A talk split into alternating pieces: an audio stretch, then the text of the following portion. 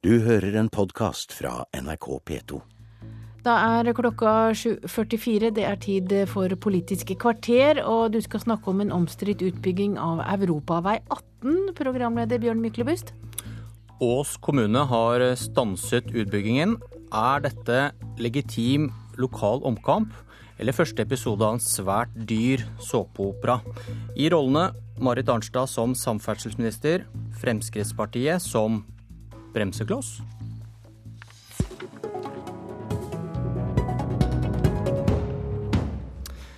En av disse setningene kan bli sanne. Enten Senterpartiet overkjører lokaldemokratiet, eller Fremskrittspartiet stopper bygging av motorvei. Nye E18 gjennom Akershus har blitt planlagt i ni år, men så snudde kommunestyret i Ås. Et opprør ledet av Frp. I går dro veidirektør Terje Moe Gustavsen til Ås for å be lokalpolitikerne ombestemme seg. Er det din telefon? Ja, jeg kommer snart. Gårsdagen ble hektisk for Arne Hillestad. I sommer har FrPs gruppeleder i Ås kommune vært opprørsgeneralen som har sørget for at kommunen sa nei til Vegvesenets E18-planer. I går kom veidirektøren til Ås rådhus for å overtale kommunestyret. Det er ikke hverdagskost for de 17 kommunestyrerepresentantene. Hillestad selv mener staten har tatt for lett på E18-utbyggingen. At de har, har vel antakelig utført dette her på den samme måten som de gjør med enkle veisaker. Og eh, vi er ikke så enkle at vi kan godta hva som helst. Etter møtet i går var opprørsgeneralen likevel noe mildere stemt. Hillestad mener at veidirektøren både lovet svar på flere spørsmål og ga kommunestyret i Ås viktige løfter. At vi får en utredning på Oslofjordforbindelsen. Betyr det at du er mer positiv til, eh, til planene sånn som de ligger? Ja, hvis jeg får de riktige svarene, så er jeg det. Flertallet i Høyre var også med på å vrake E18-planene. Gruppeleder i Høyre Gro Haug mener Vegvesenet ikke har hatt fokus på de største problemområdene langs veistrekningen. Innkjøringen til Ås kommune er uklar, foreligger ikke gode tegninger på. Ei heller hvordan man skal komme seg ut av min kommune. Hva er det som skal til for at dere kan akseptere det trasévalget sånn som det ligger? Det trasévalget som, de kommer, som jeg håper at vi nå kan få frem etter dette møtet, hvis, hvis det er eh, en fornuftig løsning, og det ser ut som om det er den smidigste veien, har jeg ingen problemer med å snu i dette. Veidirektør Terje Moe Gustavsen var strålende fornøyd etter møtet. Jeg syns det ble et veldig ålreit møte. Eh, god eh, dialog. Likevel har veidirektøren bestemt seg. E18-traseen skal i hovedsak legges etter planene. Det er selvsagt sånn at med de utredninger, med den planlegging som allerede ligger på bordet, så mener nok vi at alternativene i hovedsak er lagt på bordet. Og da å gå tilbake og starte denne prosessen helt på nytt, det, det ser vi nok som relativt lite aktuelt. Hvis dialogen med kommunestyret ikke går i veidirektørens retning, vurderer han å anbefale regjeringen å overstyre lokalpolitikerne. Altså Det som er en riktig forståelse, slik jeg signaliserte, var at uh, man ikke kan utelukke at vi foreslår å bruke statlig plan. Denne delen av budskapet falt ikke i god jord hos opprørsgeneral og Frp-politiker Arne Hillestad. Det skal være tungt for staten å gå inn og overprøve oss. Det er i så tilfelle beklagelig hvis staten skal overprøve kommunene. Da kan de overta kommunene som helhet. Reporter Berit Aalborg. Som samferdselsminister Marit Arnstad, velkommen. Jo, takk for det. Er det ikke vakkert å se lokaldemokratiet i full blomst? Jo, jeg er glad i lokaldemokratiet. Jeg er det. Jeg syns at det ofte kommer med svært gode innspill. Eh, men noen ganger så oppstår det også vanskelige dilemmaer, og denne saken er en av dem. Eh, og Dilemmaene består i at eh, E18-utbygginga berører svært mange kommuner og flere fylker. Og Det andre dilemmaet det er at denne planlegginga har foregått allerede i ni år. Og det har vært behandla tidligere flere ganger i de berørte kommunene. Og da er det vanskelig når du på slutten på en måte står i fare for å gjøre en ni års lang prosess til en 13-14 års lang prosess pga. ett vedtak i et kommunestyre. Men hva er grunnen til at det er kommunene som har makta, som har reguleringsmyndighetene når en vei skal bygges? Jo, men det er klart at en veiutbygging det foregår jo i ulike faser. Det, du har jo altså først eh, altså du har jo konseptvalgutredning som kommunene uttaler seg om. Du har trasévalg som kommunene uttaler seg om. Og du har regulering etter plan- og bygningsloven som kommunene også har myndighet i. Denne saken her har vært behandla i samtlige kommuner tidligere.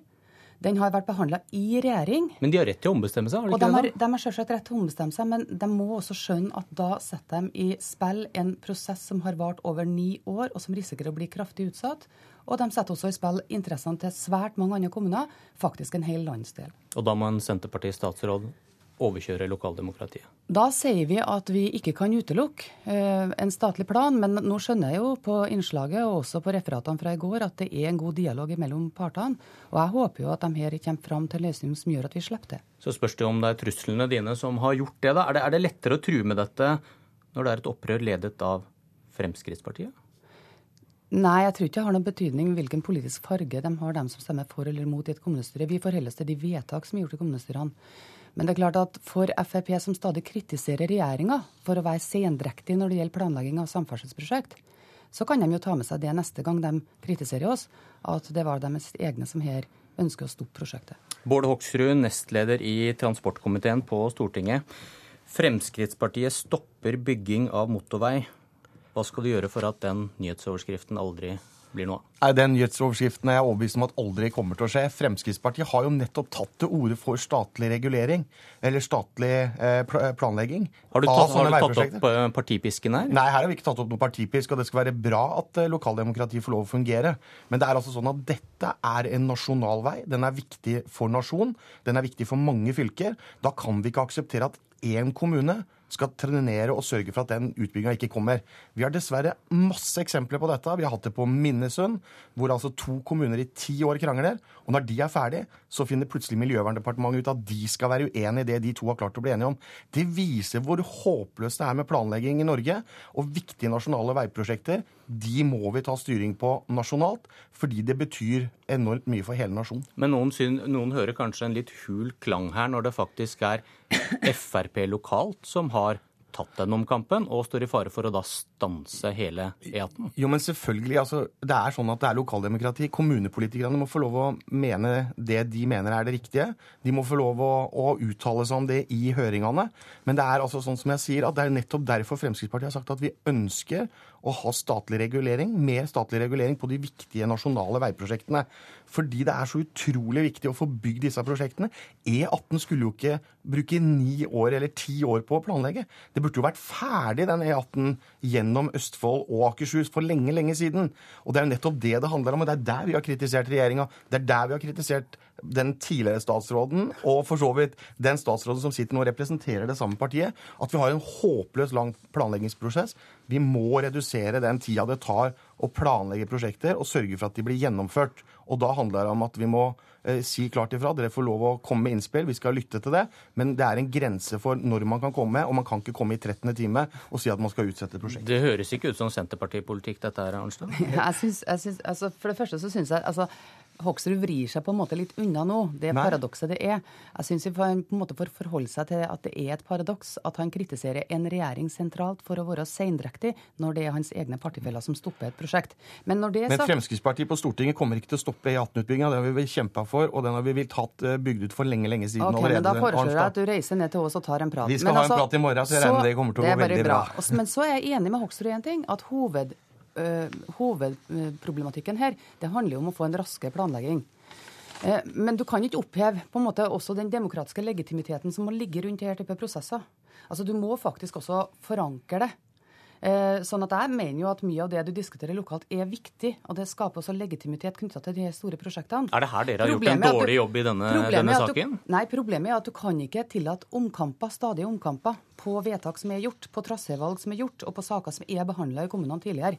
Derfor så tror jeg at det Hva er løsningen da, den praktiske ja, løsningen? Den praktiske løsningen er på en måte for, også, så, Den praktiske løsningen er jo flere tiltak du kunne se på.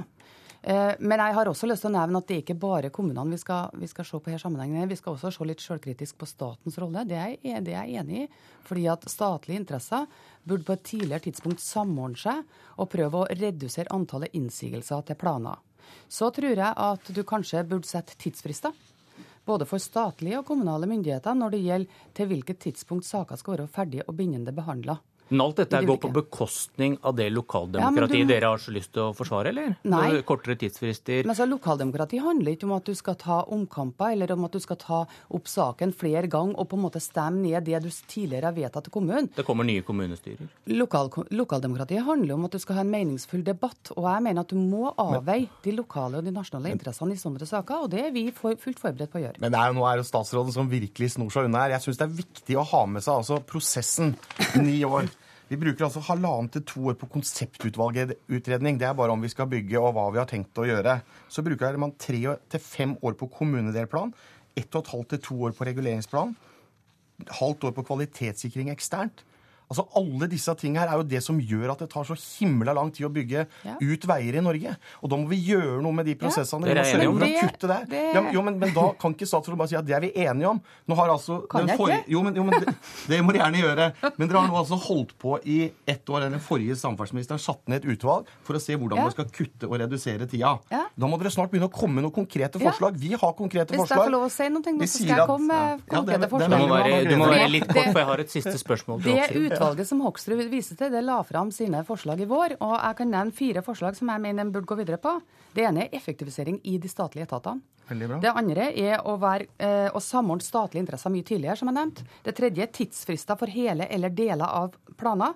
Og det andre er faktisk at du kanskje går inn og ser på om du kan bruke statlig plan annerledes enn i dag. Dette er du enig i, Hoksrud? Jeg er veldig enig i dette her. Og jeg synes at Vi må nødt til å gjøre noe med de statlige, alle de statlige etatene som driver innsigelser. Der er vi nødt til å, å kutte. Rørende enighet. Til slutt, Hoksrud, du skal snakke med ditt lokallag på torsdag, skjønte jeg? Ja. Da blir det kjeft?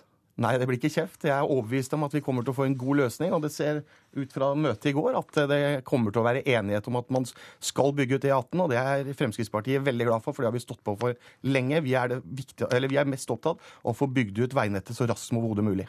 Lykke til, Hoksrud. Takk Jeg for håper det. du får det til. Det er viktig for Norge, og det er viktig for en god samferdselspolitikk at Frp snur. Marit. Marit Arnstad, Bård Hoksrud, takk for debatten.